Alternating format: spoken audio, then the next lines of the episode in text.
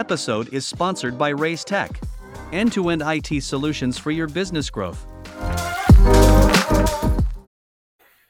Hello, everyone. Uh, this is on the Agile Couch, uh, fourth season, uh, gaining its speed. And I'm very glad uh, today to introduce Heidi uh, on the Agile Couch, having a talk with me.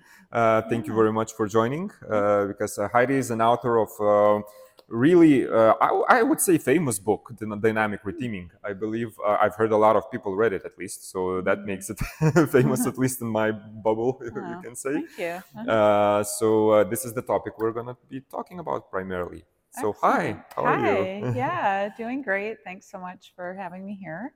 Uh, did I forget anything when I intro- uh, by introducing you? anything you uh, would well, like? Well, uh, also give props and thanks to Artium. So I work for okay. Artium. We build custom software for a variety of different companies. Yes. And yeah, based in Santa Monica is where the office is. Yeah. And yeah, I'm from the Los Angeles area as well. Okay. So All it's right. great to be in Vilnius. Yes. Uh, do you come often in, uh, in, in Europe, in this region, Eastern Europe somewhere, or? Uh... Um, well, it's my second time in Vilnius, mm-hmm. and yeah, I travel around the world and love visiting different countries, meeting different people. So. Okay. Yeah. Very very nice to have you here. Thank you. Nice yeah, it's great to be here. All right. So reteaming, right? Yeah that's that is a hot topic i would say lately uh, mm-hmm. at least you can hear it in the conferences you know mm-hmm. someone talking about mentioning it at least uh, mm-hmm. why, why it's getting so important uh, lately why do you see the importance of reteaming is growing because i don't yeah. know five years ago ten years ago and all of the agile communities were saying stable teams stable teams that's you know what yeah. we need to have right uh, what's changing well, it's an interesting question because I remember years ago, I remember the whole we want to create teams, keep them together, forming, storming, norming, performing. Yes. And, you know, that's the goal. Let's gel the teams, gel the people, and out comes the high performance. And I remember that kind of information. I remember a lot of the research on teams and books also, you know, it, it would be nice, I think, if teams could be stable. It sounds highly convenient. My experience in the you know software industry for 20 years has been the opposite of that. Mm. I've been at a series of different startups that grew bigger and had a variety of different changes from growing, people leaving, people switching, you know, in a variety of different configurations. Yeah. So I was like, seems like counter the, to the experience that I had. So I became just very curious about that and somehow driven and obsessed with trying to prove the point that it's natural that our teams will change. Yeah. So basically, uh, you can say the environment uh, affects us to change a lot, right? There's a lot mm. of things happening, as you mentioned, growing, merging, scaling, and so on uh, surroundings uh, makes us sort of a push to the change, right? And, and yeah, I, I think sometimes, yeah, the environment. Mm-hmm. Sometimes we're we're forced to change. Yeah. Other times, maybe it comes from within, and we desire to do something different, or work with different people, or work at a different company. So then we initiate the change. So I think there's a there's some different ways that the change can happen. Yeah absolutely. Yeah. But what is important then when we have this reteaming process uh, what uh, what basically is the, the most uh, key things to you know go through and remember not to forget maybe whenever uh, first of all probably to notice that we're in the reteaming process yeah. Uh, to, to understand that but then what, what, what goes then yeah and with the noticing it's sort of like so many of us that work in software companies or delivering products we're trying to delight our customers we're doing that work but then there's an additional layer of team and organizational change happening so mm-hmm. i agree it's like first it's it's sort of like acknowledging the reality that we do have some challenges mm-hmm. and some opportunities sometimes it's easy when our teams change sometimes it's challenging i think there's different ways to look at it. But we have to deliver and we have to meet our commitments and we have to delight the customers. We got to sell, we got to get the business in Mhm. for our companies. We have to help our cus- companies succeed. But then we we have this this layer of change. So I think one important thing is acknowledging and pointing it out. Another important thing is that you know we are humans and we have different reactions and different opinions and thoughts about change. Yeah. For some of us, it could be easy, and for some of us, it could be difficult. And so, having that empathy to the change experience is very important. Mhm. We talk about change, right? Um, but reteaming, what is special about this change, right? Is it, it- does it follow just a natural, you know, change that we sort of change patterns or you know change management practice, whatever we do with any kinds of changes that that could appear in the companies, right? Um, but talking about teams and reteaming, what is special about this change? I think what is special is that with reteaming, we are talking about, and dynamic reteaming, we are Mhm. talking about team change. So it's it's a different kind of change involving people that work together with a shared goal. They are thought partners, and the actions and the energy that they put into their shared goal it's it's a collaboration so the team system is a collection of people that work together and they form this sort of team entity and there are different people that come together on the team and it feels different we have this team entity or team dynamic a lot of this thinking is from organizational relationships systems Mhm. coaching Mhm. which is a lot of words together, ORSC. So, so you have these people coming together and they form this sort of entity. And so when the entity changes, even at the edges, someone joins the team, the team is different. There are new possibilities. Maybe the person that joins they bring a different perspective than was present on on the team before maybe when someone leaves this team entity, things are lost. Not only the uniqueness of that person and what they brought to the team, maybe they did their job in a different way than other people. Mhm. And so then when they leave, the team feels like it's not the same as it was before. And so I, you know, all of this space I think is very interesting because you don't know what you're going to get. You you join a team, maybe you meet some of the people when you're interviewing or maybe not. And you're with these people and you're working on this your your thought partners working on joint creation Yeah. and it's it's a it's it's a wonderful opportunity to do that.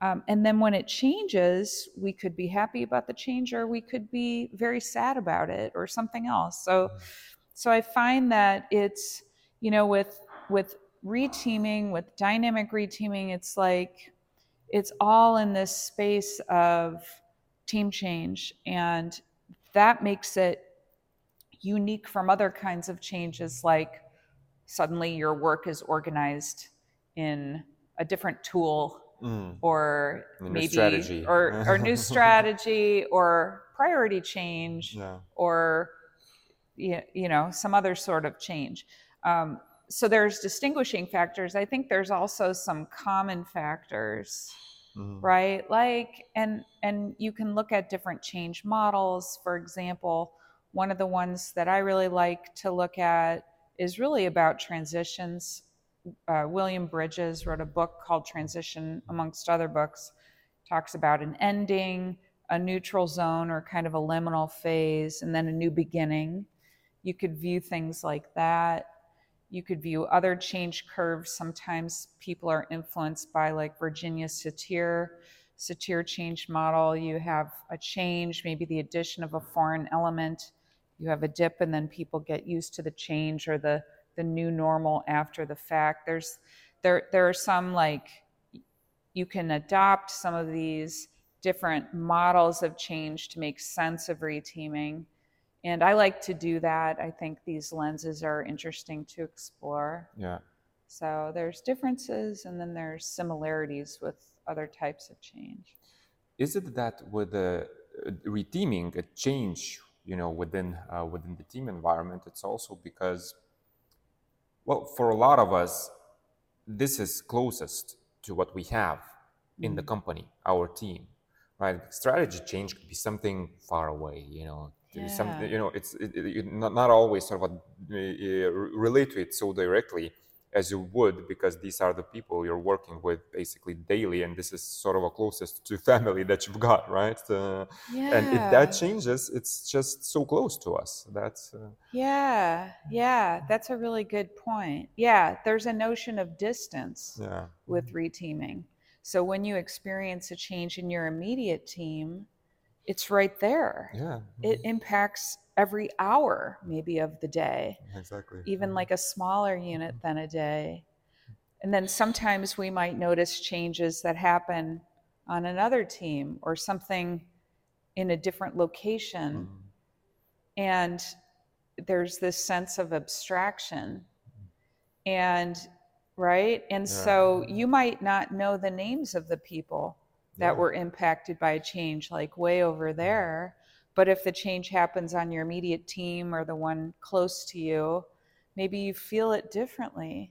What do you think? Yeah yeah that's that's what i'm bringing exactly. That's what i think. That's why it's uh, so Yeah. important uh, because it is you know the closest people you work with and uh, you usually you put trust in those people you learn them you know those people how to work with Yeah. them their sort of uh, traits of personalities even and uh, you know uh, all kinds of things uh, that's that's around that uh, you know how to go and ask you even learn to uh, read their emotions, whether someone's having a hard day or a good day, right? It's just by Yeah. being uh, close, right? Uh, and when that changes, you need to suddenly learn so much new things about the new peop- new, new person or new people if Yeah, there are and sub- I- several, right? I think also like adding on to this idea, leaders making decisions about changes that impact people or teams that are far away from them, yeah, I think need to consider the human impact of reteaming.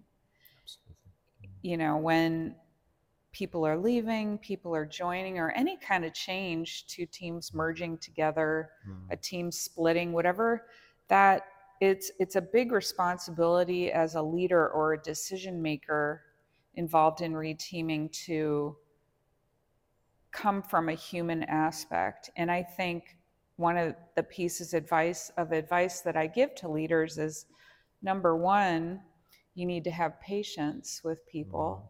If you're planning a change on a team way over there, you're probably talking about it for a long time. And so you need to consider the the effect. Do people have a chance to kind of get acclimated to the change? And then, you know, you you have to to to to bring a human aspect to the situation. I think it's it's a big it can be a very big change for leaders. You, reteaming by abstraction is very um, risky. Mhm. I think it's challenging. And so it's kind of like how do you cultivate your community of leaders in your company and enable different types of local decision making Yeah, on how teams are organized? And yeah, I, I think it's it's an it's a definitely an interesting space. And how can you create opportunities for people to have ownership over how they work? And I don't think it has to be the same for everyone. I think, you know, cultivating leaders in different parts of the company that enable decision making that's that's best for the people in these locations is important. I don't have the, all the answers for how to do this, yeah. but I think it's it's a real interesting space. It is. Um, actually, I had a question whether you have any advices, right, to the leaders. We're talking about leadership now. what they need to know uh, when if if they are the ones facilitating the change or reteaming right or you know it comes from some decisions uh, of a let's say uh, upper management right uh, it's not like a natural process in the team but something that you know was brought to the team by because of some organizational changes or whatever that could be there.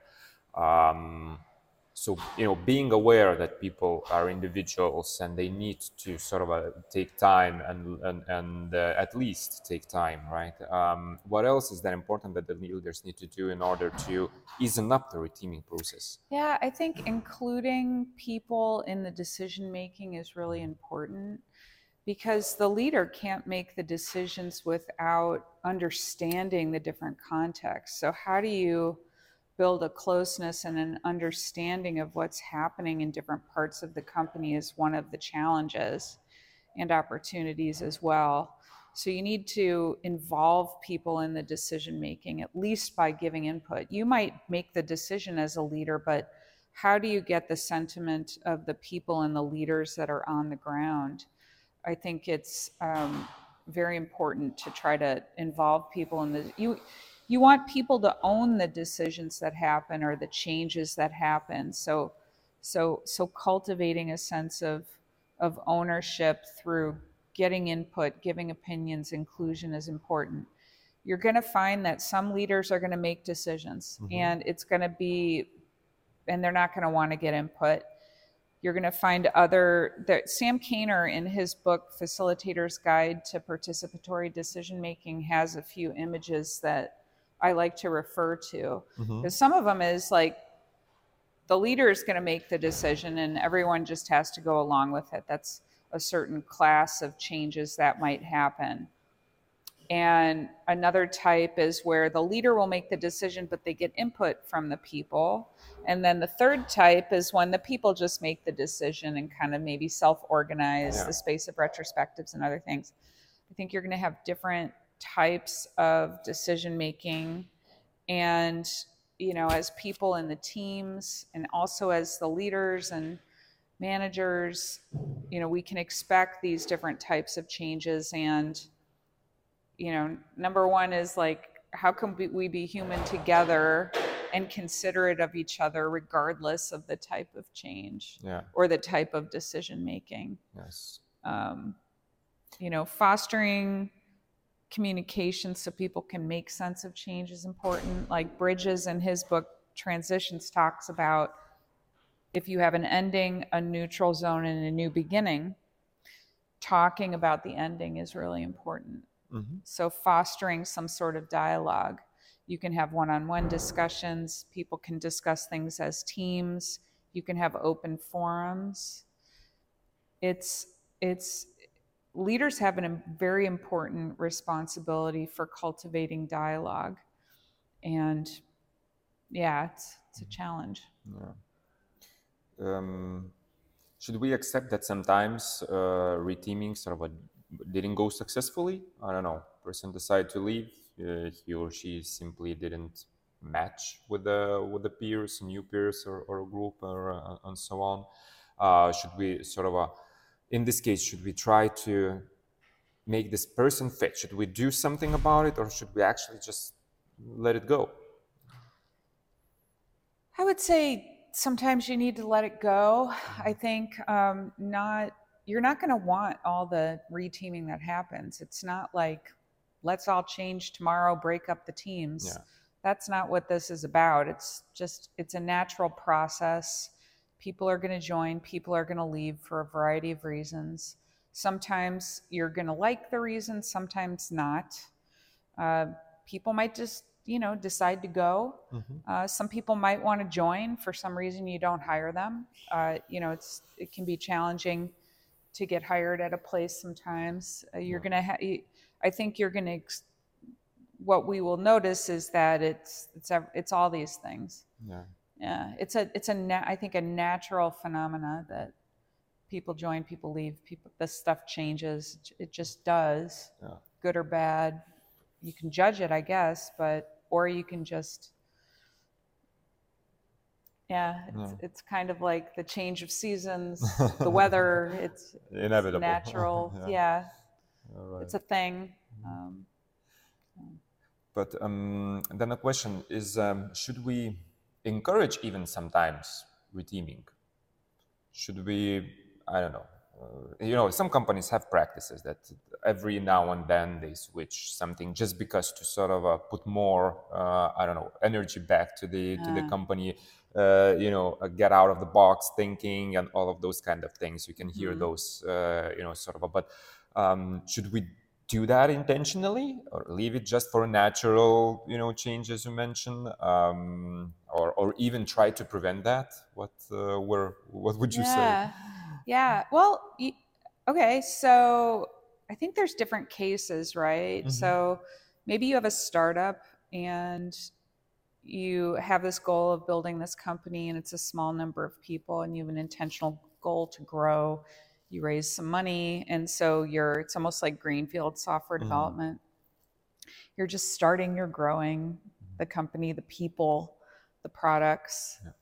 you know sometimes you're going to catalyze something new so so that's at like the company level at the individual level sometimes people want to change and so they catalyze it in themselves maybe they get some coaching mm-hmm. and they get the courage to make a change or to try something new or maybe it's mm-hmm. easy for them right? So you might have that.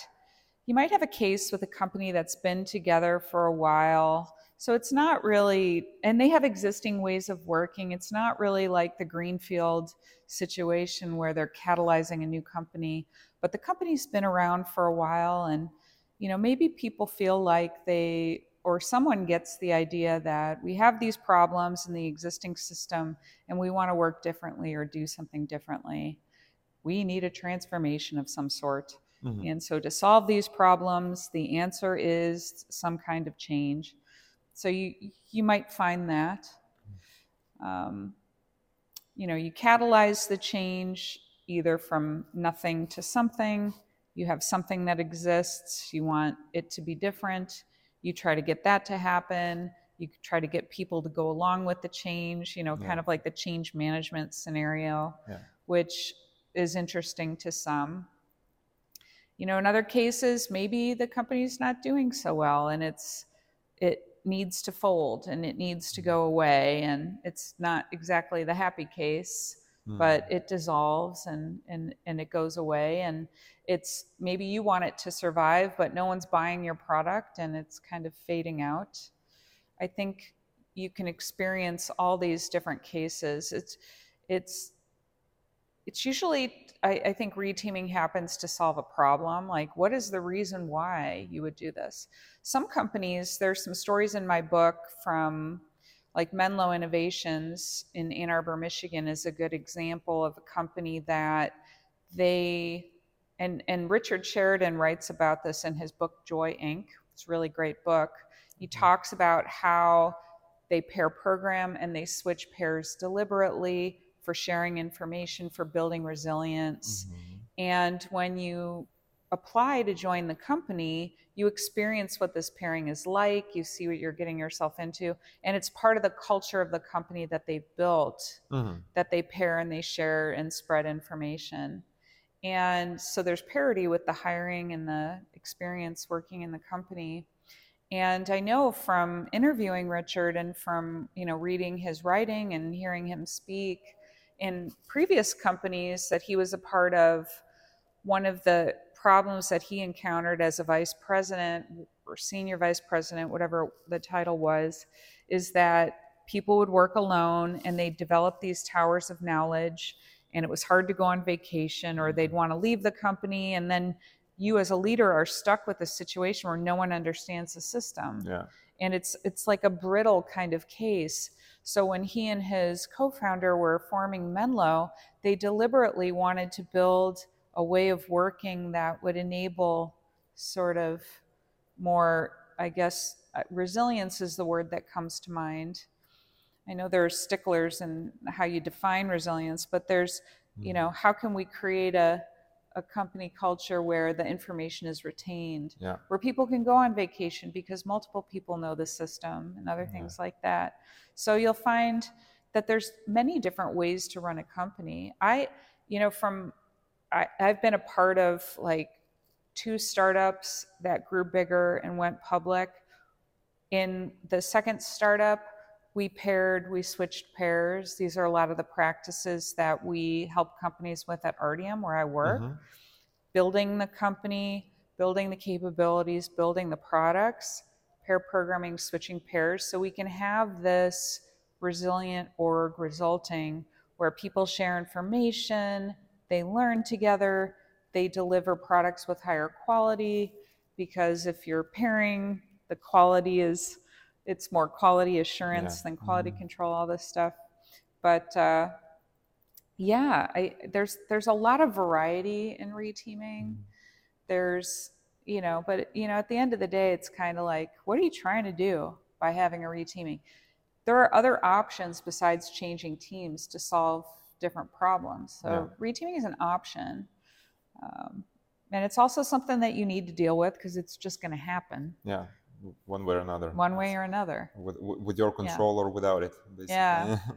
so basically um, what you're saying is also that um, if we foster in the company the the culture of you know constant change maybe to some degree not you know like a huge changes but if we uh, do like you know those kind of pairs or or, or more just have more dynamics in the organization the reteaming will be easier. It will be more natural to uh, to the people. Uh, would that be a correct assumption? It could be that if you've cultivated a community where change happens all the time, people know it when they join, Mhm. that yes, it's what they can expect. You always have the new leader effect. If you have a new leader come in, and maybe the new leader is trying to do something different, it could change it could change everything. It could destroy what you've had what you've had. But what I wanted to say is that um, the other space is about how do we evoke the change yeah right? We are at an open space event, Mhm. which is a very cool, liberating structure, and you can do it inside companies. For example, when I was at one company, the third startup that I was a part of, we had about 350 people, and we did an open space event. Mhm. And so, you know, what that means is just like we're experiencing here at a community event, the people come together, and in this particular company, the people were given a challenge to improve how they collaborate across different types of teams that they had, and they had about 50 teams. Mhm. And so what happened was the people that worked in the teams served up a lot of different potential solutions to how can we improve our collaboration across the teams. And they built a conference schedule for a day where they had sessions to address the challenge. And then the people that were interested in maybe one of the solutions proposed would go to talk and have a discussion. And then they came up with action items that were followed up on after the open space. So you can kind of bring challenges to your teams or your communities of teams, encourage people to offer their insight on how to solve the challenges, authorize them and give them time in their schedule to work on some solutions after the effect, after Mhm. the event. And it can be a way of trying to stimulate or evoke change.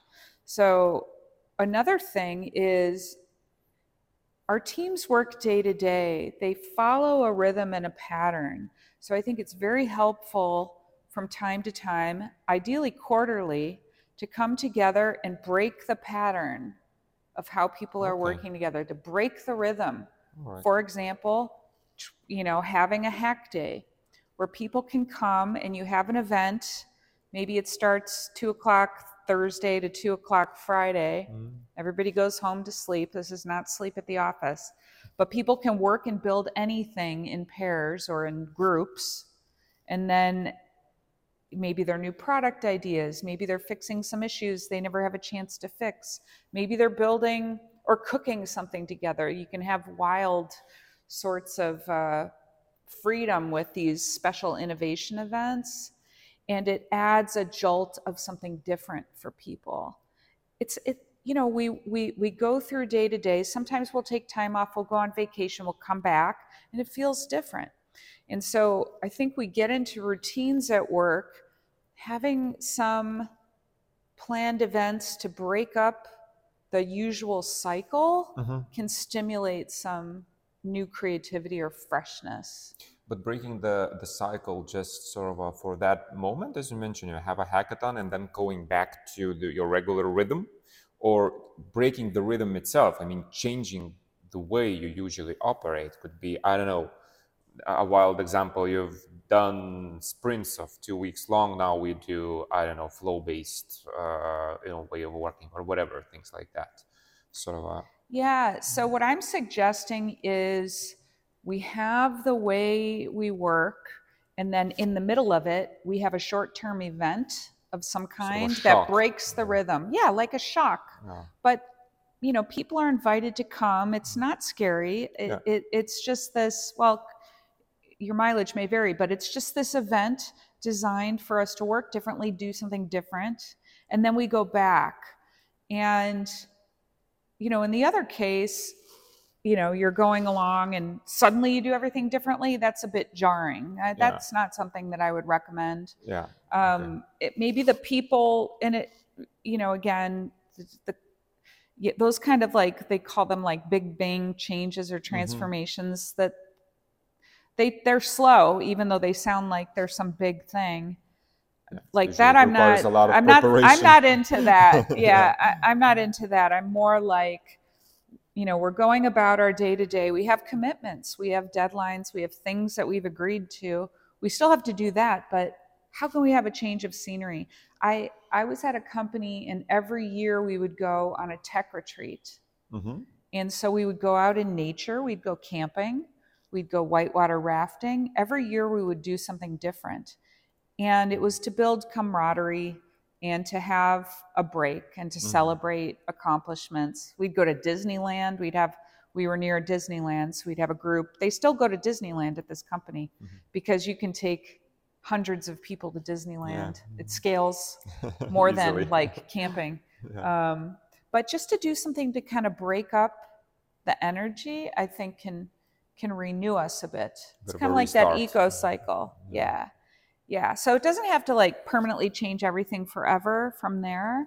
That's a bit. Sometimes there's gradations. Like that's a could be a little bit too intense. Um, but sometimes that happens. Yeah. Right. Like I don't like the the trend of uh, that we've seen in the last couple years of suddenly a bunch of people are laid off. That feels like that big jarring event, and then yes, it will be different after. Mm. There's a lot of pain and suffering in that. I don't really enjoy that. I don't like that. Uh, I don't think many people do.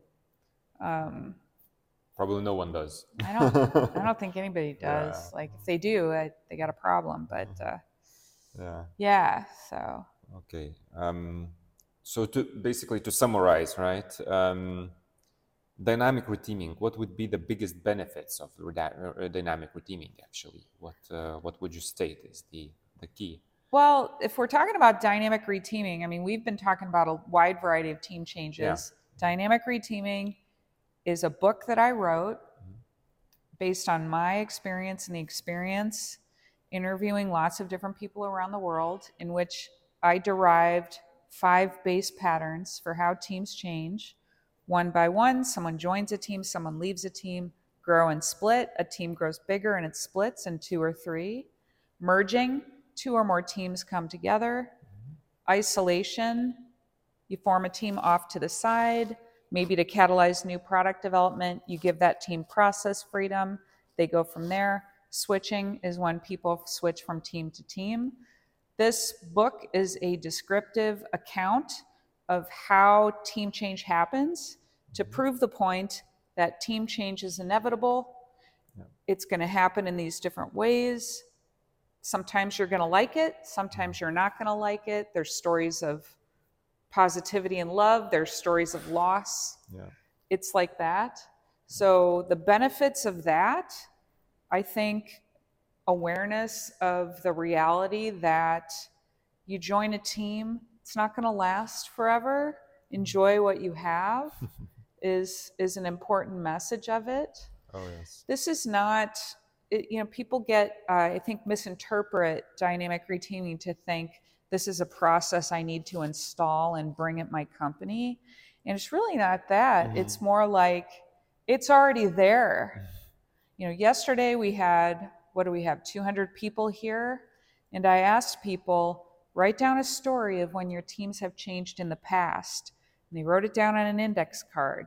Then I presented the five patterns, and then I said, okay, look at your story, flip your card, write down the pattern that you experienced. So they did that. And I said, okay, find the other people that experienced the pattern. We found, formed these five groups of people just because it's like, it's just a natural occurrence. Yeah, everyone had thing. it. Mhm. Everybody had it. Mhm. And all five patterns are present. Yeah. The largest one was the one by one, Mm. people joining, people leaving. Do you remember what the smallest one was?